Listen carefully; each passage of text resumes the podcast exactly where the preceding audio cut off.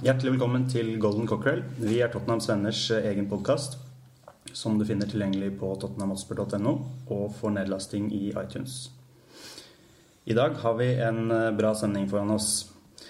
Eh, Aller først så skal vi mm, presentere mm, en ny gjest i panelet. Han har vært spiller på toppnivå både i eh, Norge, Sverige, Skottland og Tyrkia. Har vært trener og er for tiden eh, forfatter og skribent. Og ikke minst stor Tottenham-fan. Arild Stavrum, velkommen til deg. Takk for det, og glad du la til det siste der. Viktig i denne sammenhengen å få med deg også. Og du er også ute med en eh, ny bok eh, for tiden som heter 'En sommer med fotball'. Den skal vi prate litt om etter hvert i sendingen.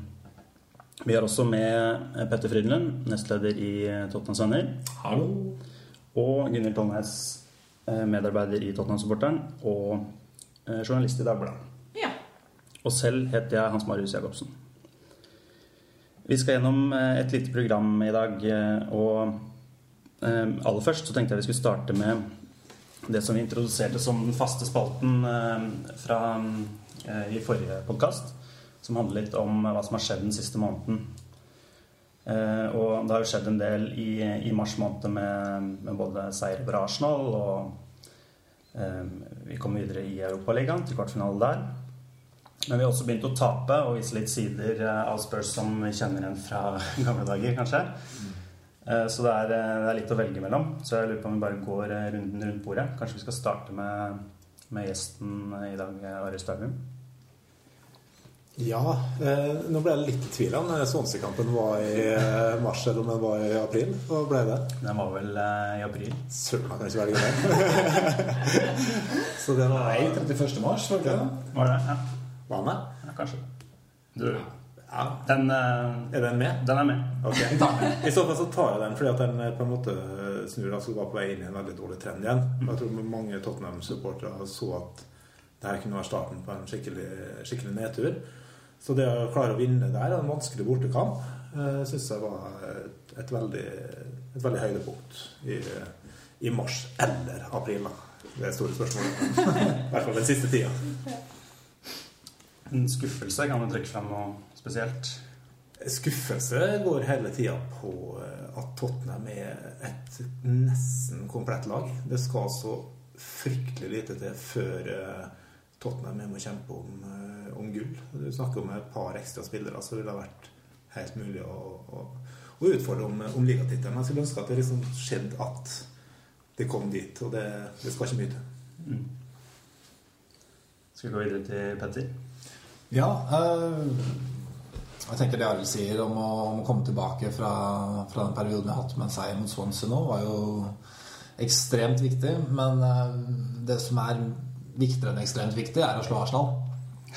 Og jeg kjenner jeg blir varm inni meg bare jeg begynner å snakke om det. Og uansett omstendigheter, å vinne kampen mot Arsenal er helt nydelig. Det er eh, det beste som fins. Og spesielt når det skjer eh, Når det skjer på slutten av sesongen, når vi kjemper, eh, når vi kjemper mot dem om en, eh, om en Champions League-plass. Um, Redder det på en måte sesongen for deg hvis det hadde vært en dårlig sesong? Hvis det hadde vært Ja, for noen år siden så skulle jeg kanskje, kanskje sagt meg enig i det. Uh, heldigvis, får jeg vel si, så har forventningene steget en del. Så det er, det er ikke lenger en god sesong om man slår Arsenal, men eh, det hjelper mye. Og, og når det er en, en helt åpenbar sekspoengskamp òg, så, så er det jo enda bedre. En nedtur? Da trekker jeg fram Inter-kampen. Borte. Eh, Vi gikk jo videre. Gudskjelov. Eh, Men det som, det som er så fælt med den kampen, som jeg syns er grusomt, er at jeg At bunnivået vårt er forferdelig svakt i den kampen der. Og jeg har lenge irritert meg over at uh, i flere år tidligere, under jord og til og med Redden er på, at bunnivået vårt har vært så forferdelig lavt i forhold til andre klubber på det samme nivået som oss. Og nå med Villas Boas, så trodde jeg lenge, eller i hvert fall en følelse av at det er litt på vei bort. At vi, vi, har, vi er ikke så dårlige på det dårligste. Vi kan selvfølgelig ha kamper under par, men ikke, ikke krisedårlig på samme måte som vi var mot Inter. Men der viste vi at vi, det finnes fortsatt Vi har det fortsatt i oss da, å spille en hel fotballkamp i 120 minutter hvor vi mer eller mindre er dritdårlig hele veien fra begynnelse til slutt. Og det, det, var, det var ikke et bra Inter-lag vi møtte heller. Det var lavt tempo, det var mye det var et, ja, jeg var, jeg var ikke imponert over Inter, og likevel så ble vi rødspilt. Og det Nei, det var grusomt. Han ble etterfulgt av en uh, like dårlig kamp mot Fulham. Ja, det var jo Det, det ble ikke noe bedre mot Fulham, men jeg, jeg, jeg syns faktisk vi var enda dårligere mot Inter. Og det tror jeg handler noe om at jeg syns at Inter ikke var noe gode. Fordi Inter spilte med lavt tempo, og vi burde utnytta og skåret et mål mye tidligere. Går vi videre til Gunnhild? Ja. Eh, jeg er som eh, Petter er opptatt av denne Arsenal-kampen. Selvfølgelig av samme grunner som du sa. Det, det er rivallaget vårt eh, vi spiller mot. Men også så har det med å gjøre at vi revansjerer den fryktelige kampen eh, i fjor høst, da. Som var helt grusom å se på. Eh, og så tar vi dem i, i andre oppgjøret, og det gjør veldig godt i regnskapet. Skuffelse, så hadde jeg tenkt å nevne Inter, men jeg kan jo ta også at jeg var veldig skuffa over Liverpool-kampen. Eh, for det følte jeg også var en unødvendig eh, måte å tape på. Mm. Um, så den syns jeg var Det var en veldig stor nedtur for min del. Skal bare kort skyte inn fra, fra min, For min del så blir Arsenal eh, Der føyer jeg meg til Petter og sier at Arsenal er høydepunktet. Skuffelsen for min del er det at vi, vi eh, Erkjennelsen av det at vi, vi ikke er et topplag, og at vi har sånne perioder som vi har vært inne i nå. Eh, Og Liverpool-kampen blir et eksempel på det, hvor vi, vi viser i gode perioder av kampen at vi, vi er sånn som vi har vært i, vært i år. Vi vi er smarte, vi, vi skårer på bortebane. Men likevel så sprekker vi mot slutten, og så følger vi det opp med, med flere dårlige matcher etter det. Som kan være katastrofale for oss i den større sammenhengen når vi skal gjøre opp eh, mot slutten av sesongen. Når det er sagt, så er det flere topplag i Premier League som også har skikkelig dårlige kamper. Se på City i år, som havna så langt bak United med det mannskapet de har. Så, så jeg syns jo det er greit at man har en bedriten kamp innimellom, men eh, det er bare det å, å ikke tape de unødvendige kampene som irriterer meg. Ja. Bare for å forsvare litt det valget av Sonsi-kampen. Altså alle andre velger, alle andre velger Arsenal-kampen, som jeg også var veldig fornøyd med. Så er, det, så er det litt det med Du sier at Tottenham har, sånn- har et utrolig lavt bunnivå. Du nevnte tilbake til jorden, men du kan jo gå langt, langt, langt tilbake i tid her. Og det er det du frykter liksom, når Tottenham begynner å komme inn i en periode der de taper kamper, at den bare skal kunne vare og vare og vare. vare. Så Mm. Derfor så holder jeg den Sonsi-kampen også så høyt. Fordi at du, du snur en trend igjen. Og jeg håper litt at vi vil spå oss at det, at det er tegn på at han kan være med å snu sånne ting. da. Andre enn en, kanskje det som har vært eh, før i morgen. Så så man litt på guttene visst at det er lov å komme med, med analyse av kroppsspråk. Men det virka i hvert fall som at selvtilliten deres når de så at vi snur det, vi klarer det her, at den steg, og det var veldig godt å se på. Og de ble jo intervjua igjen etter igjen om det her på forhånd nå. Kommer det til å rakne nå? Louis Holtby uttaler at eh, det skjer ikke. Er, det er en annen mentalitet her nå. Og jeg bare syns det er litt godt å høre noen av dem som tør å si det. Selv om han er en av nykommerne. Men De kan på en måte ikke si noe annet heller, så det blir sånn selvfølgeligheter som han ikke stoler helt på, fra min side i hvert fall. Da. Ja, men han kunne ha på en måte uttalt seg vagere enn han gjorde i det intervjuet. Håper han var bedre syk enn meg, i hvert fall, som, eh, som eh, Tottenham-supporter. Ja, det er jo minst like slitsomt i år som i fjor, den spurten nå. Etter et tap mot Fulham så har vi på en måte ikke råd til så mye mange flere tap. Eh, i hvert fall følge Arsenal og kanskje Chelsea også, da. Så ser du det, altså igjen det jeg snakket om ikke komplett lag. Når du ser Tottenham, så har de ser du målskårere mot, eh, altså mot eh, Swansea, det er Bale og Fertongen. Det sier I sine posisjoner så er det to av verdens absolutt beste spillere. Og det har Tottenham på flere posisjoner.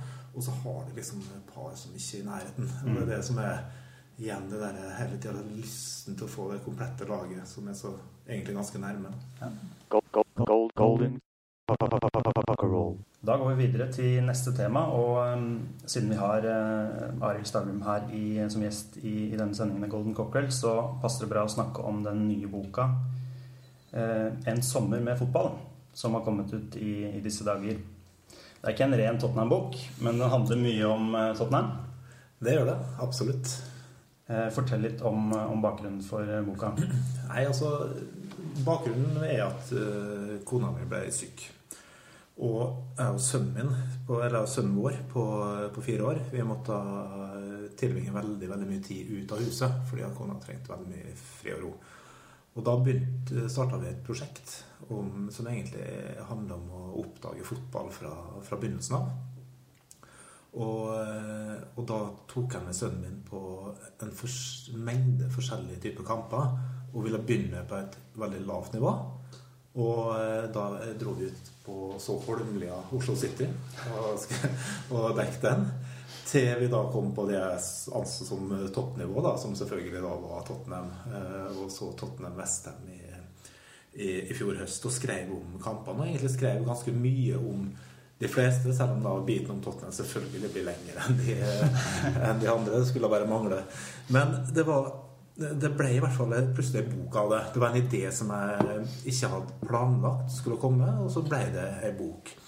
Og så endte det opp med at det her ble da ja, si at det ble et par hundre sider, og så sendte jeg det inn til et eh, forlag. Og det starta på, på to måter. Og det var at Først så sa sønnen min at han har blitt Rosenborg-supporter. Og det, det, liksom, det, det går ikke. Altså, Nei, det går ikke. Jeg beklager.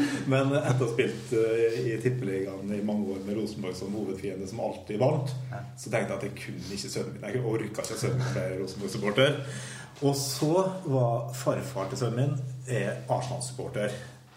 Og han prøvde å påvirke der. Så jeg ble angrepet liksom av Rosenborg og Arsenal fra, fra, begge kanter. Og så skrev jeg masse om det her. Og så sendte jeg den til Gyldendal. Og får mail fra, tilbake fra sjefredaktøren der om at han syns at boka er, er, veldig bra. Men at jeg skulle vite én ting, at han var lidenskapelig Arsenal- og Rosenborg-supporter. Den mailen har jeg, men det er fantastisk. da. Men da visste jeg også på en måte at hvis han uh, gikk god for det her, så var det i hvert fall bra nok. Ja. Så, det var, så, det var, starten på det. Og så ble det ja, boka. Du har jo skrevet litt før også, men, eh, men da eh, Kanskje ikke så personlig? Eller du har, du har skrevet romaner som handler om, om fotballmiljøet, men, men den, den det er personlig på en annen måte, kanskje? Ja, det er noe helt, helt annet. Og litt de to andre skrev jeg fordi jeg hadde lyst til å skrive og hadde ambisjoner om å skrive bøker. Og, og jeg skrev en krim, og da satt jeg ned og veldig tenkte gjennom hvordan plottet skulle være, og hvordan personene skulle være, og planla veldig. Mens den her var en bok som egentlig bare skjedde underveis, og at jeg fikk en idé at nå må vi Vi må finne på noe her i en litt sånn ekstrem situasjon. Ja. Så jeg ville liksom at sønnen min skulle ha en kul periode, da, selv om mor var, var veldig syk. Og, og, da ble det da ble det det å oppdage fotball og, og, det å skrive om det. Og det var som sagt, det var ikke planlagt, men det ble utrolig kult. da. Mm. Og så jeg sier at en opplevelse for livet, det å, å dra dra med en femåring på, på kamp på White Hart Lane og liksom ta med inn ja, det første store kampen han ser. og sånn, og Han kommer inn på stadion og bare blir slått tilbake. Det, det er ganske, ganske kult. Det.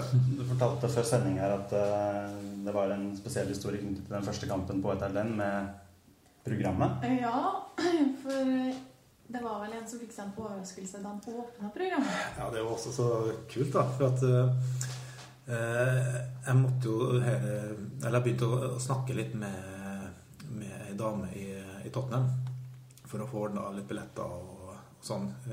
Og, og, det viste seg at hun også da hadde en kreftsyk datter, så jeg ble snakka veldig mye på mail med hun dama her. Og så syntes hun at det var så fint prosjekt at hun spurte om et bilde av sønnen min, og fiksa han inn i i kampprogrammet på, eh, på, det, på den kampen mot, mot Westham. Og det visste ikke eh, Ole da, sønnen min. Han visste ingenting om det. Så jeg kjøpte bare det programbladet og ga det til meg og bladde opp på sida. Og han fikk jo ganske, ganske sjokk da. Der. Og gikk rundt på White Hat Lane og sa at eh, der selger de programmet med meg. Det var liksom Det var hans minne der. Ble en del av, av prosjektet også på en måte å, å oppdra han til å heie på riktig lag? Det blir jo, det, det blir jo litt spøkefullt, det, da.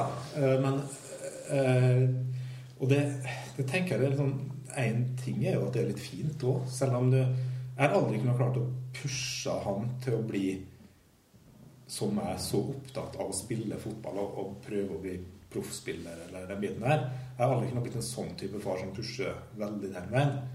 Men jeg syns at fotball er en fin ting. Og jeg ser jo fordelene ved at han holder med Tot- Tottenham, så vi kan dra på kamp sammen. Det ser jeg som en liten sånn eh, Så jeg prøver egentlig å snike den inn i, i systemet der hele, hele veien. Og foreløpig så har det jo det gått fint. Sånn bortsett fra at jeg syns Ole kunne ha fått lov til å bli Rosenborg-supporter, da.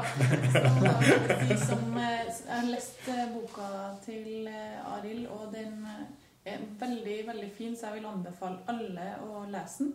Det er mm, for det første en veldig sterk historie å høre om eh, kona di som blir syk, og hvordan det på en måte påvirker hele familien, og du som backer opp hun. Og samtidig så er det den fantastiske fotballhistorien parallelt med det her, og hvordan en liten gutt eh, opplever det på en måte å bli kjent med fotball, og alle gullkornene han har underveis når han skal lære seg alt mulig rart. Det er kjempeartig. Så um, en veldig, veldig fin historie om fotball er det der. og så spørre, eh, siden du er litt inne på det, på en måte, om som du som spiller, om du hadde eh, etter en lang karriere, hadde du på en måte mistet litt av den gløden med å følge fotball, eller har den alltid vært der? Må du finne på nytt på en måte med sønnen din? Er det en annen måte å se det på? Eh, helt klart. Altså, jeg har spilt proff fotball i, i 14 år og var trener i noen år etter det. Og du får et sånn veldig profesjonelt forhold til, eh, til fotball på en helt annen måte. Kan, jeg kan skjønne at folk, selv om de spiller for Barcelona med 90 000 på tribunene, kan synes at det enkelte dager er tungt å gå ut og spille fotball. For det er mekanismer som gjør at det her faktisk blir tungt. Er du supporter, så er det mange som ikke har forståelse for det. Og der oppstår ofte konflikten mellom en fotballspiller og en supporter. For jeg tror at en spiller alltid er lat hvis en ikke får det til. sånn. Og det, det er masse, masse mekanismer som ligger der, og masse grunner til at du ikke spiller bra. Og i perioder der jeg var på mitt mest aktive som spiller, og kan si, i perioder der det var viktigst mulige kamper, så var det også om å kanskje å se mindre fotball utenom, for at du blir metta på det. Mm. Mens eh, jeg merker nå etter at jeg la opp, etter, etter at jeg også ikke har vært trener, så har jeg begynt å se mye, mye mer fotball igjen. Eh, eh, Jeg har alltid sett mye, men, men enda mye mer. Og definitivt det å oppdage fotball at, gjennom sønnen min sine øyne igjen, av at du, du ser den gleden ved å skåre mål, for eksempel, som han har på en vanlig, vanlig fotballtrening. Den entusiasmen det viser. at Det, det er sånt som du som på en eller annen måte forsvinner når du blir voksen, da, som er utrolig kul å, å se. Sånn, eh, med ditt forhold til Spurs har du alltid hatt eh, en glede av å følge Tottenham? Har det alltid vært noe som har ligget der, og, og som du har klart å, å holde ved like mens du spilte selv? Eh, ja, altså, eller altså Jeg har alltid holdt med Tottenham. Jeg har aldri vært noe annet lag som jeg har Så jeg har aldri skifta og den biten der. Men jeg vil nok påstå at i, eh, i den perioden jeg var mest, igjen, jeg var mest aktiv, så var det perioder jeg ikke så så mye Tottenham som jeg har gjort nå i, i det siste. Så det henger litt sammen eh, med, med andre fotballinteresser. Men du har holdt med Tottenham fra du var liten. Ja, fra tipper jeg var seks-syv år. Noe sånt. Ja. Du starta med klassekamerater som heide på andre lag. Ja, helt klart. Det var en sånn typisk vanlig krangel der du Det begynte vel egentlig med at jeg tok et motsatt standpunkt av en som, en som begynte å holde med Manchester United. Og så var jeg litt i sånn konflikt med han, og jeg at jeg skal i hvert fall ikke holde med Manchester United. Og da ble det, da ble det Tottenham. Jeg hadde ikke noen mer grunn til det enn det, men jeg tror jeg tror jo ofte de valgene der er ekstremt tilfeldige. Ja. I hvert fall når du kommer fra Norge og ikke er født i, i området, så er, så er det mye tilfeldigheter. Har du, har du følelsen at det er sånn som alle fotballspillere har? At de, liksom, de har en interesse for fotball, og mange, og mange, mange har også favorittlag? Er det til stede i garderoben? Ja, altså, altså det, det folk ofte glemmer, er jo at altså, fotballspillere har, har, har jo vært barn en gang, for å si det litt eh, dumt, da. Men du har akkurat den der inngangen at du, du begynner å holde med et lag, og så begynner du å samle på effekter og blir veldig opptatt av fotball, ser masse fotball, pluss at du trener i den tida det er kanskje fem-seks timer om, om dagen for at du har lyst til å bli god, så fotball blir eh, Du kan spørre nesten alle de som har blitt skikkelig gode, eller eh, altså, spilt i tippeliga eller hva som helst, så, så har de brukt en utrolig stor del av barndommen og oppveksten på å spille og, og drive med fotball. Da. Så, så det finnes hos ja, det alle. sånn det er, litt, synes det er litt interessant å snakke om det her. Eh, Vi som supportere for eksempel, er, er jo veldig glad i spillere som elsker klubben. Jeg, min favorittspiller i Tottenham det er Gary Mabbutt. Som var en spiller, og han er fortsatt en skikkelse i Tottenham. Han, han spilte Ærespresident i Tottenham Sønner? Det. Han, han spilte i klubben i nesten hele karrieren sin, og han, han var skikkelig glad i Tottenham, og han, han er skikkelig glad i Tottenham enda. Men eh, i den moderne fotballen så får vi kanskje følelsen av at de spillerne som virkelig er glad i den klubben de spiller i, er litt mindre til stede nå, da. De, de, eh, det er mer penger inn i bildet, det er mange ting som, som på en måte har endret det bildet litt. Hvordan tror du, hvordan tror du spillernes forhold til klubben de er i, er i dag? Er det veldig forskjellig, eller kan man, kan man finne igjen de typene i dag også? Du har utvilsomt noen igjen av det, men fra de dagene så har, liksom, har hele verden blitt rekrutteringsarena for de beste klubbene. Og så er det en, en ting som jeg tror øh, folk glemmer litt oppi det, og det er at de som blir skikkelig gode, ta, de blir aldri helt fornøyd. De vil alltid streve for å komme seg videre. Og ofte så er det liksom enda videre til en bedre lag. Og kanskje hadde Si Luka Modric nå, da. Kanskje hadde ikke han blitt så god i Tottenham hvis han ikke hadde drivkrafta for at han ville komme til en enda større klubb. Hvis du skjønner hva jeg mener? Det er liksom noen som, som trenger altså, Du trenger den driven der, den utålmodigheten der. Og så er de fremdeles fryktelig glad i det laget de spiller for. Jeg tror sånn som Luka Modric har et kjempeforhold til Tottenham nå. Jeg tror det er forferdelig sårt for en sånn type spiller å spille på White Hart Lane og bli pepet, f.eks. Mm. Det er en sånn sår følelse. For du, du føler at du har gitt alt du har, villet være bli Han har som mål å bli verdens beste spiller, sant? Og da er alltid den utålmodigheten for å komme seg for å komme seg litt videre. Så det er litt, det, det er litt vanskelig av og til, det der. Den er morsom hvis vi hadde det som tema i, i forrige episode hvor vi snakket om, om Bale. Og om vi trodde han ble etter denne sesongen. Det var egentlig det, det diskusjonen handlet om. da. Hvor, eh, hvor mange av oss mente at eh, Tottenham kan ta en spiller til et visst nivå, men der vi er i dag, så, så må vi også forstå at spillerne vil videre når de er på det nivået som Bale er og Modric var. Mm. det, Men, men, men, men, men, men det er akkurat det jeg litt var inne- på i sted, hvor nærme Tottenham nå er å bli et komplett lag. Jeg tror også at Tottenham kunne beholdt nå en type som Bale eller Modric ved å gått inn og investert knallhardt. altså De har måttet satse virkelig da, i et par spillere til. Og det å få til en virkelig toppspiss, f.eks., og eh, kanskje en ny midtstopper ved siden av eh, Fertongen, syns jeg, men det er ikke alle så enig i. Men et par sånn type stjernespillere til, så vil du ha et lag som utfordrer for en ligatittel. Og da er det mye lettere for en Bale å bli av, altså. Men eh, Bale, vi, alle vi som sitter rundt bordet her, ønsker selvfølgelig at han skal bli. Men du som har vært spiller eh, vi, vi romantiserer kanskje forholdet spillerne har til klubben sin og håper at de er mer glad i Tottenham enn det de eh, egentlig er. Er det hva skal jeg si, urettferdig av oss å, å, å bli sur på dem hvis, de, hvis Bale hadde gått til eh, United eller Chelsea eller City eller noe sånt til sommeren, eller til Spania. Er det urettferdig av oss å, liksom bli irritert for noe sånt? Tror vi for Forventer vi for mye, da? Nei, jeg syns ikke det er urettferdig. Jeg syns det er veldig menneskelig, og sånn det skal sånn det skal være. Jeg syns du skal bli kjempesur hvis han, eh, han eh, forsvinner. Men jeg prøver liksom bare å også forklare litt mekanismene i det. For hvis vi tar Gareth Bale, så gikk jo han fra Southampton for å utvikle seg. Han har sånn, altså, du har en sånn drive i deg for å bli bedre, sant? og søke, søke videre. Og hvis han da føler at han ikke får ut maks av talentet sitt i Tottenham, så er det for han faktisk riktig å gå til Real Madrid.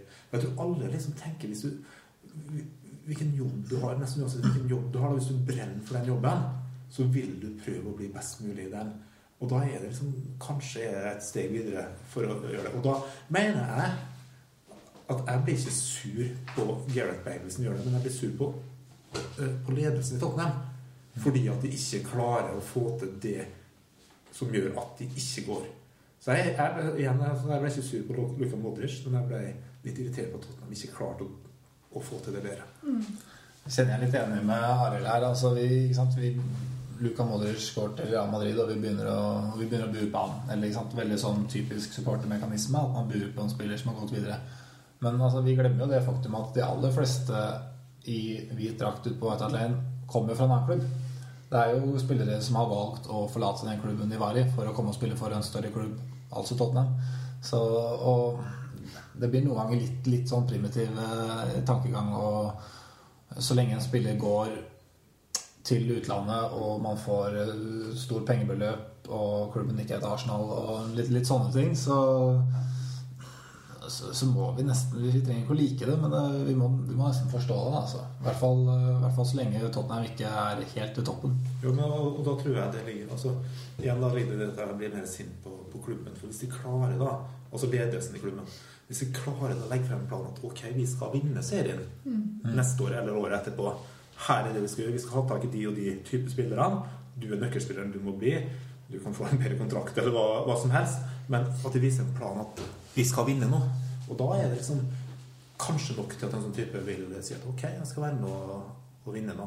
Men hvis de tror bare at det, er hjertet for, eh, for klubben, så, så er ikke det nok. Hvis ikke det er bra nok det rundt.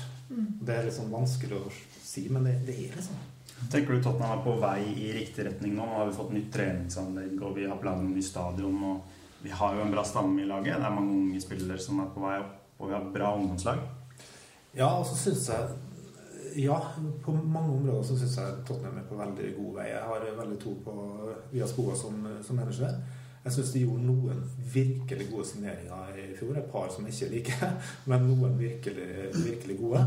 Og da er det liksom at det er så lite som skal til for å få ta det neste steget. Så eh, jeg syns de har gjort mye riktig. Det syns jeg absolutt.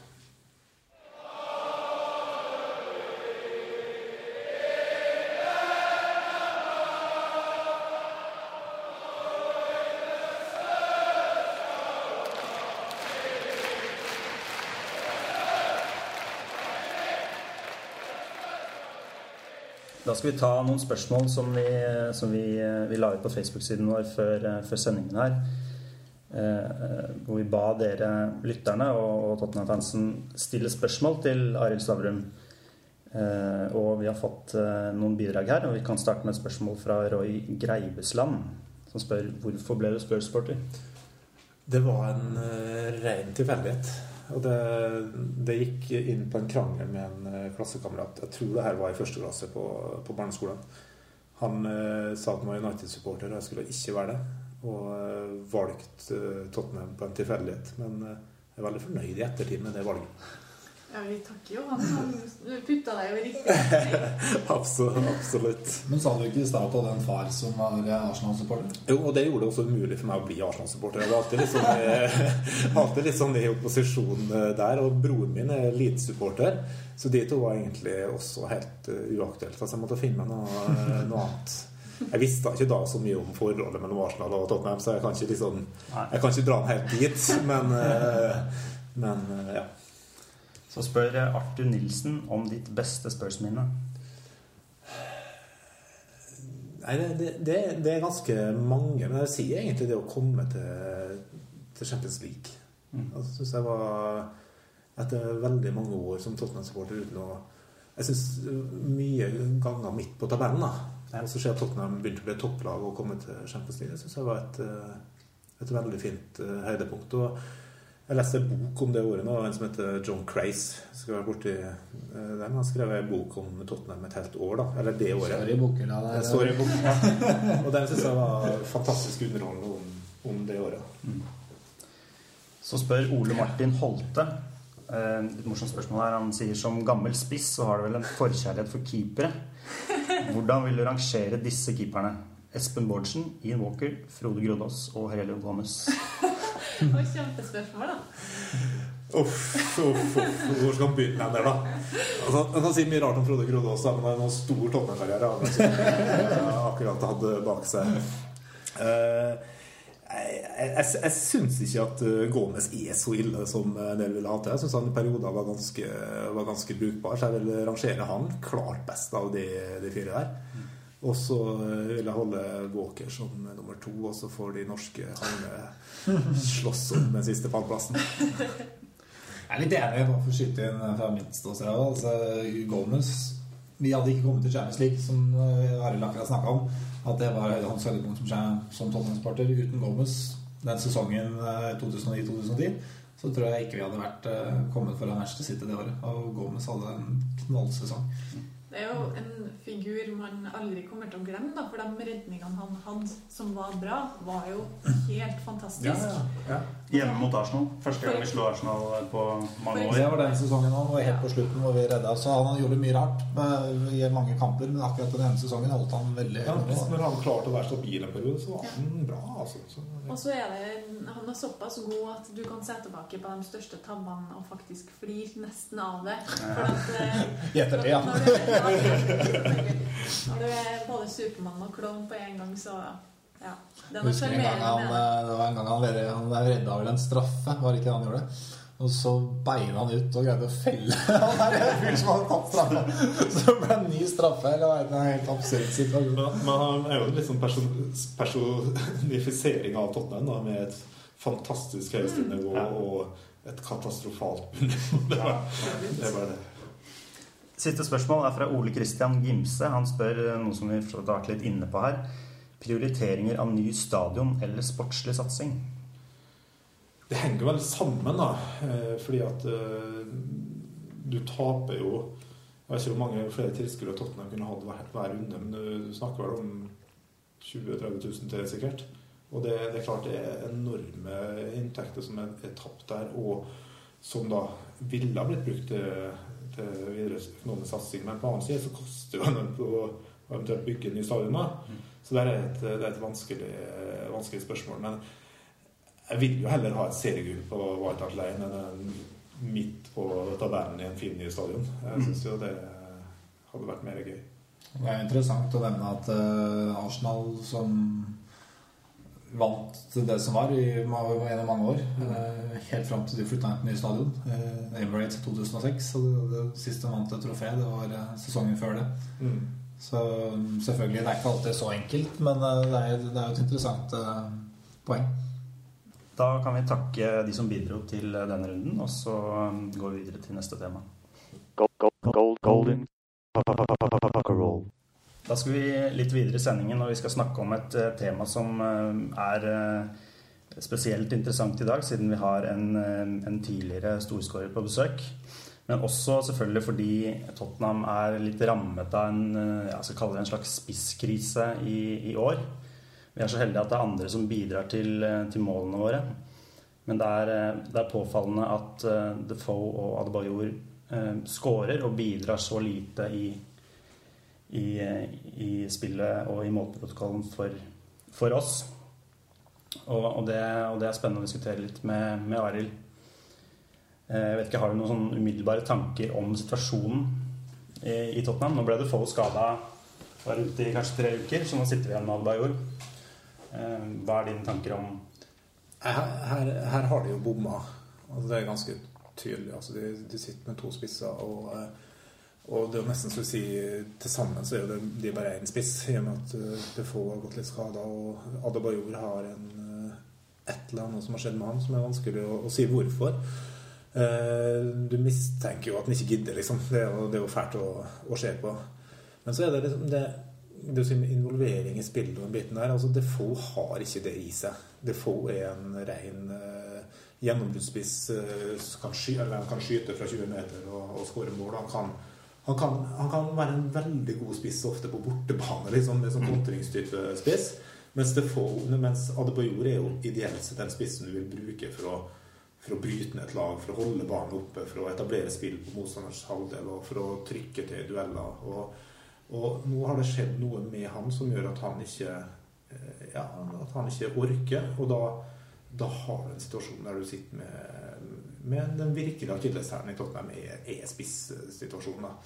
Og jeg syns at selv om eh, Defoe er i virkelig, virkelig toppslag, så syns jeg han bør være en nummer to-spiss, en innbytter, spille en del av kampene, men ikke være en, eh, en du satser på skal, skal holde en hel sesong. Det er interessant det du sier om, om de type, at de har to forskjellige typer spisser. Og bare for å henge det på en knagg, så kan vi ta fram noe statistikk her som jeg fant fram før eh, sendingen. Da kan vi si at vi, vi sitter her i dag på, på dagen hvor vi spiller mot eh, Basel i Europaligaen.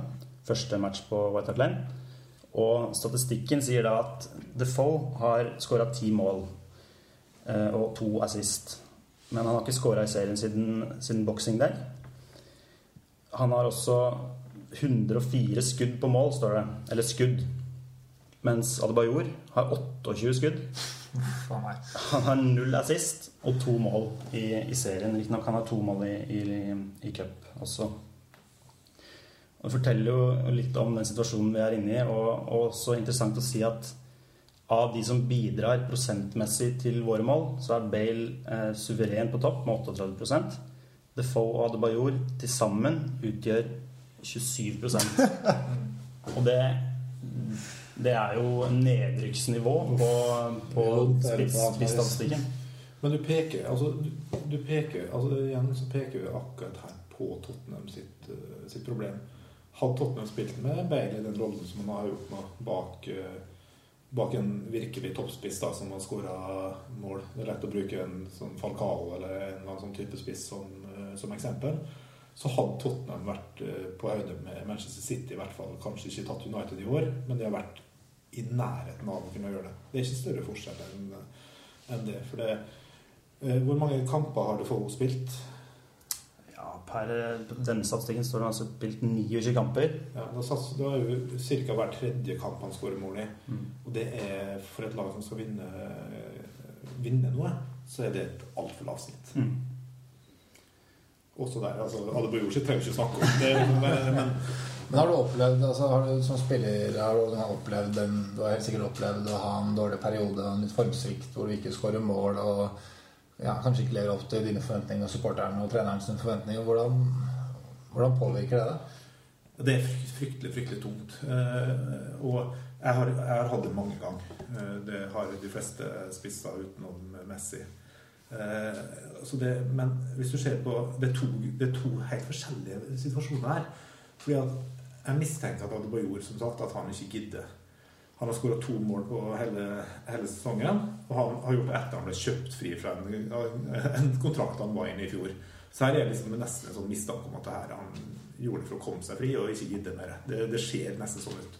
Mens det få er mer en type som, som gir alt og prøver alt, men som jeg syns ikke er god nok til å være en toppspiss på et topplag et helt år, og som trenger, i de periodene det begynner å skrante fram, trenger å være et andrevalg. Så ja. Du sier at du mistenker at, Adebayor ikke, at han på en måte ikke gidder lenger. Men, men sånn, ta, hvis vi tar Swansea-kampen som eksempel, så kommer han alene med keeper og presterer å slenge av gårde et skudd som ikke ligner grisen. Altså. Han er spiss, og han treffer ikke. Han treffer rett på keeper, og det er en skikkelig pløseball i en kjempesituasjon. Er Handler det om å ikke gidde?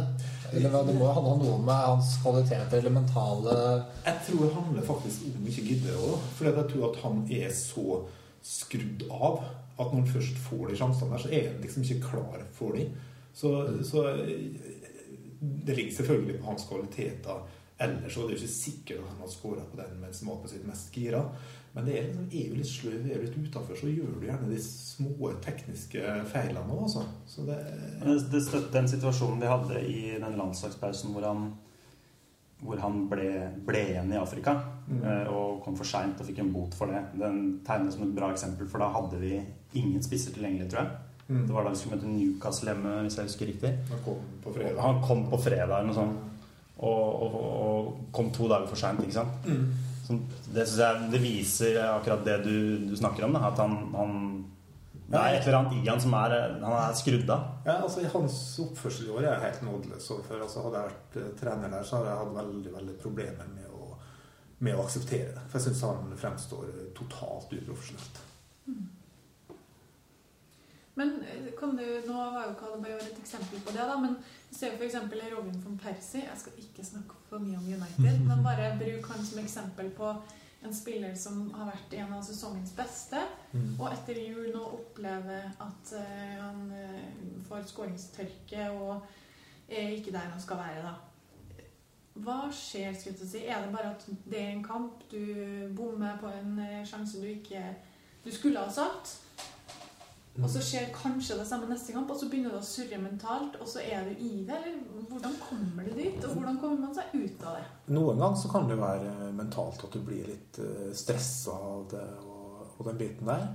Eh, Det kan også være en bitte liten eh, type skade vi ikke, ikke vet om. At ikke muskulaturen helt funker, eller ja, et, et eller annet som, som, eh, som det. Og så er det andre ganger det er veldig vanskelig å, å finne noe, noe grunn. Eh, Jeg opplevde For å prøve å komme ut av det, var, det viktig å, å trene hardt, egentlig. Eh, Det høres litt sånn banalt ut, men driv masse type hurtighetstrening, få tilbake sprut i beina. For hvis du føler deg litt tung, så er det liksom et problem. Og kanskje også kampprogrammet. De har spilt masse kamper. Og vi tror jo at en sånn type som van Persie er immun mot dem, men han er jo selvfølgelig ikke det. Kanskje en rett og slett vært sliten, lei, tung i kroppen en periode. Det er, det er mange ting som, eh, som kan skje. Og så kan det hende at han er såpass profesjonell og tøff at han ikke vil si fra til et. Altså, du vet aldri helt skikkelig grunnene eh, til det. Og kanskje han hadde gått, gått av ei uke på en strand en plass og så kommet tilbake. Det, det, det, det er 100 forskjellige forklaringer for 100 spillere. Men hva tror du en type som Villas Boas kontra for Redknapp som trener gjør for eh, en spiller i motgang? Eller hva, hva, hva treneren å si da, for, å, for å bidra til å bedre en sånn situasjon? Rednap var mer den typen som la hånda rundt spilleren og sa 'gjør ditt beste', og jeg tror på deg, liksom. Ja, altså, her, her kan du komme med Adebayor-eksempelet igjen, da, siden Rednap fikk til han. Mm. ikke via spås, men det tror jeg jeg tror jeg går på at han ville ut av kontrakten i City. Altså, at han hadde den driven for å få til det. Så det, det skylder jeg. Men jeg tror at hvis Alex Ferguson har vært trener i Tottenham, så hadde Adebayor fått sparken. Eller så hadde han blitt kasta ned på andre laget ja, bort fra, fra klubben. Altså om eh, så, så fort det juridisk kan latt seg gjøre, så hadde han vært uh, ut. Der, uh, Men der har vi satt oss selv i en vanskelig situasjon fordi vi har ingen andre.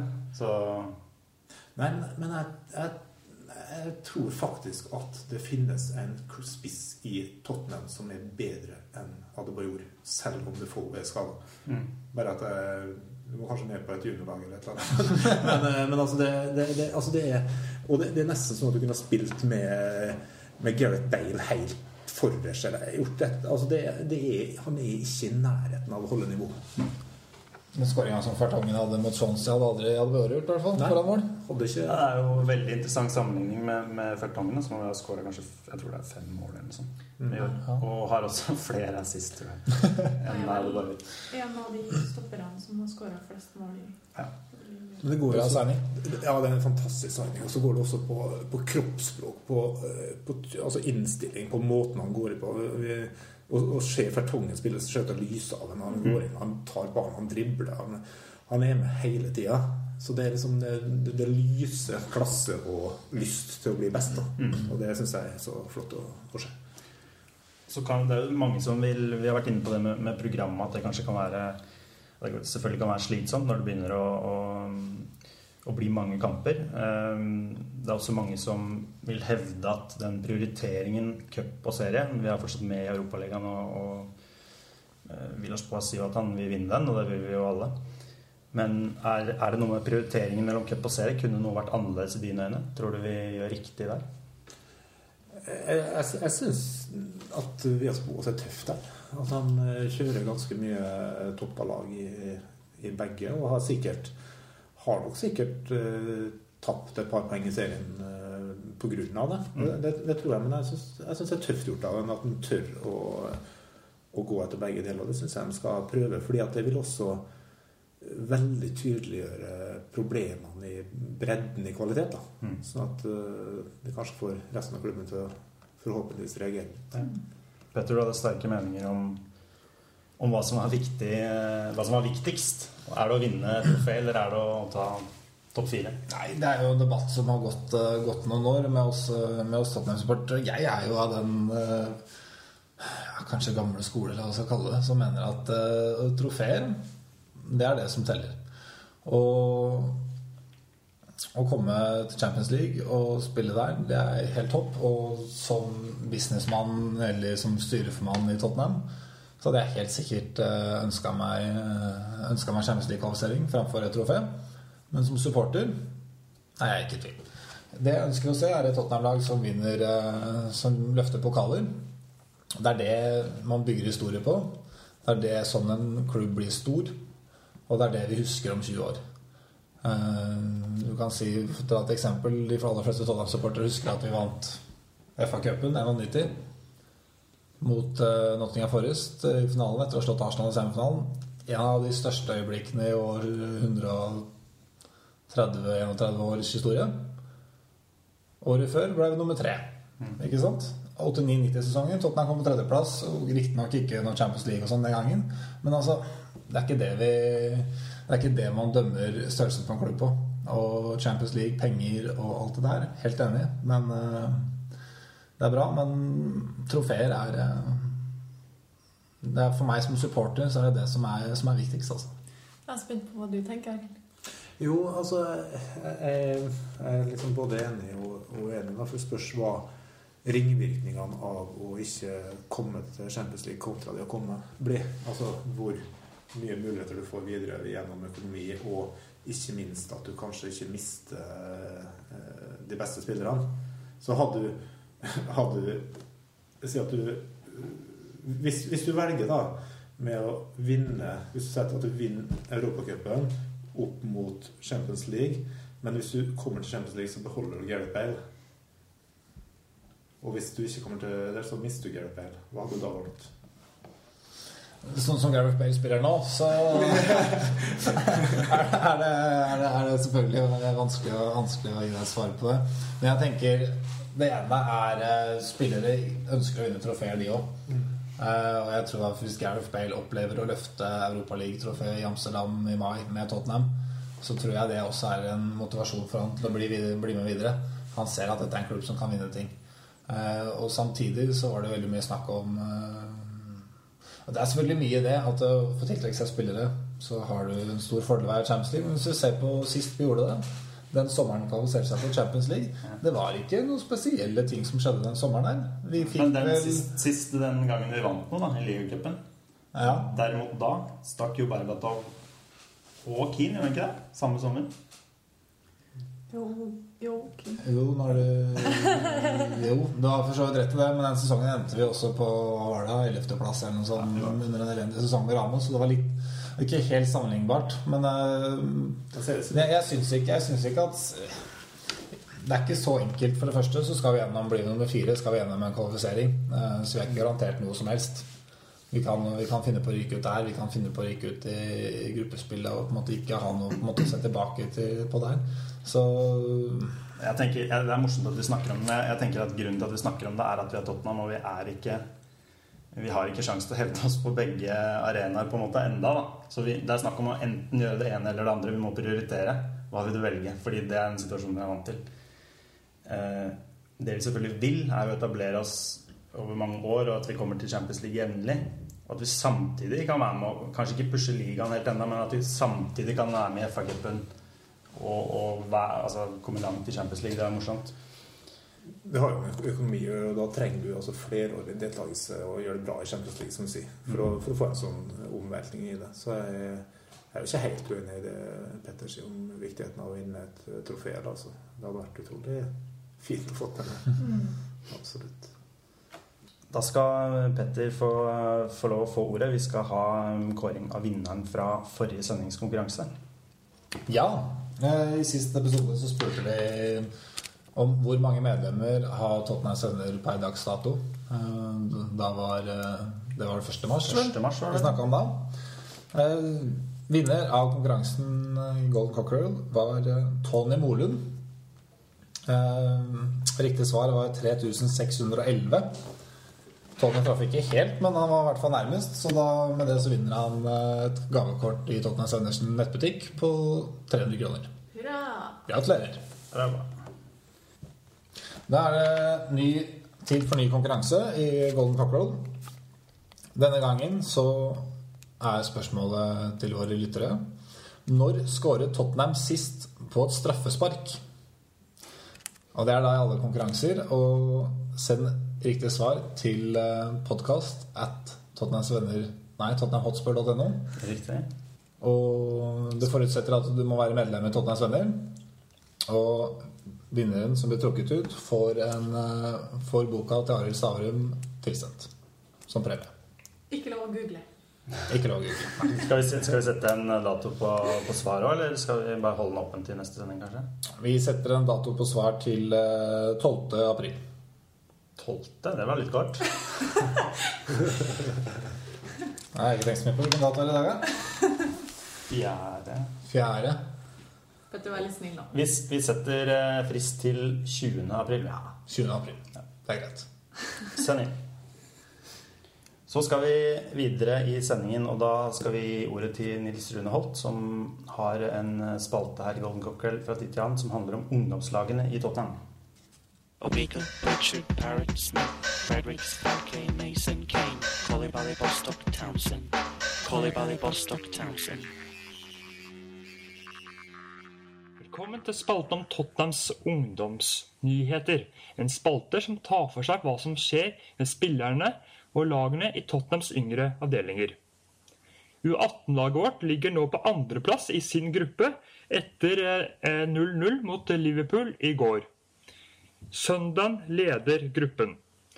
U21-laget vant sin siste kamp 3-1 mot Liverpool. En kamp som var spesiell ved at eh, tidligere trener Alex Ingeltorp nå ledet Liverpool sitt lag. Christian Ceballos med to mål og eh, Kenneth McAway med ett skårte målene for Tottenham. Dette gjør at U21-laget vårt nå leder eh, sin serie med ti poeng. Dette er en imponerende prestasjon etter at mange av de som gjorde det sterkt for U21-laget tidligere i sesongen, har nå gått ut på lån. Blant de som har gått ut på lån i, i det siste, er eh, Kevin Stewart, som har gått på lån til Crew. Han kan være involvert på Wembley i dag eh, i Johnstons eh, Paint Trophy Final for sitt lag. Andre som har gått på utlån, eh, er Dean Parrott, Luongo, Byrne og Miles. Flere av spillerne på Tottenhams yngre lag har også vært involvert på sine landslag. På Englands U17 har Connor og Gilvie spilt eh, hele kampen eh, for England eh, i 2-1-seieren over Slovenia.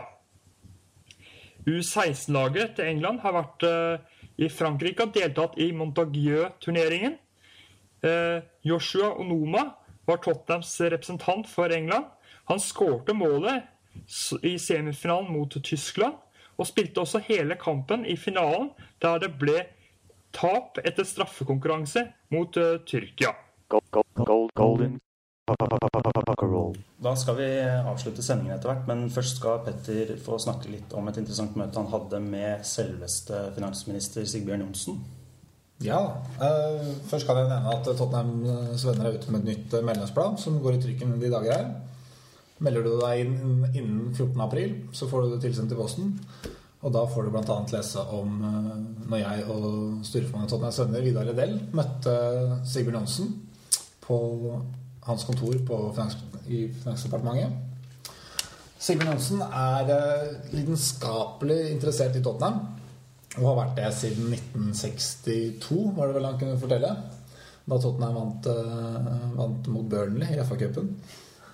Så vi fikk, eh, vi fikk lov til å, å, å ta en prat med han. Og Sigbjørn Johnsen er vel eh, akkurat så jovial og hyggelig som det han fremstår eh, i de fleste, fleste intervjuer man har sett på TV. Og jeg og Vidar ble sittende og snakke Tottenham i hvert fall en time, tror jeg. Og vi fikk mye, mye gode historier som, som kommer i medlemsblad. Jeg kan jo røpe, røpe noe av det han sa. Eh, Blant annet en historie han hadde, var at han var i, eh, han var i London i 1977. Og til stede på White Hart Lane den dagen Tottenham rykka ned. Eneste gangen eh, etter Eneste gang vi har rykka ned på de siste 60 årene. Og han kunne fortelle at da løp han ut på banen, storma banen, sammen med eh, noen tusen andre Tottenham-supportere. Og sang 'Will be back', 'Will be back' utpå gressmata. Og, og, det er, og dette er 1977, så det er mange år siden. Men Sigbjørn Johnsen var på det tidspunkt allerede stortingsrepresentant og satt på Stortinget i Norge mens han løp på banen og, og ropte 'Will be back' som, sammen med en, sikkert en gjeng gærne engelske hooligans. Så, så det, er en, det er en finansminister med, med en sunn eh, slash usunn eh, hobby. Ja, det er jo flere, det er jo flere store personligheter i Norge som holder med Tottenham, og en av dem er jo selvfølgelig den største av alle, kong Harald. Holder med Tottenham. Og, og Sigbjørn Johnsen kunne fortelle at han eh, ved flere anledninger har diskutert Tottenham med, med kong Harald når de treffes. Så neste gang du, neste gang du ser de to hviske hverandre i øret på, på Dagsrevyen, så, så kan det godt hende at det er sist Tottenham-kamp som diskuteres. Um, Det høres, ut som en, en god historie som, som kommer i medlemsbladet, som sagt. Det er det. Jeg må, jeg? Jeg må ta en, jeg må ta en ting til som var Jeg spurte, jeg spurte Sigbjørn Johnsen om Jeg ga vel et, et scenario der Tottenham spiller Champions League-finale, og Jens Stoltenberg ringer for å diskutere neste års statsbudsjett. Hva gjør du, Sigbjørn? Tar du, tar du telefonen, eller, eller lar du den ringe? Så, så ser han litt på meg, og så smiler han litt, og så sier han eh, Jeg tar nå telefonen. Og, men da sier jeg til Jens Jeg ringer deg opp igjen når, når campen er ferdig. For nå, nå, nå, nå ser jeg fotball. Så nei, det var en, det var en, herlig, en herlig fyr, og jeg tror det ble et veldig bra intervju som, eh, som dere kan lese om sammen med masse annet spennende stoff i, i neste medlemsblad. Så hvis dere ikke er medlem, så gå inn på tottenhamhotspur.no og meld dere inn. Som sagt, innen 14. april så får dere medlemsbladet tilsendt. Veldig bra. Absolutt. Da skal vi, vi takke for oss eh, i den sendingen, og så skal vi si tusen takk til Arild Stavrum, som var gjest. Og på det varmeste anbefale boka hans, 'En sommer med fotball'. Går an helt til sist la oss si hvor vi ender på tabellen. Du er eksperten her. Fortell oss. Nei, jeg er god for tredjeplass ennå, altså. Jeg syns det skjer. Deilig. Ja, hva er det vi pleier å si? Nei, det jeg synes jeg var et fint siste ord. Ja. Ja. Takker vel av for nå. Takk for oss. Mm. gold, gold, golden. Roll. Gold, gold, gold, golden.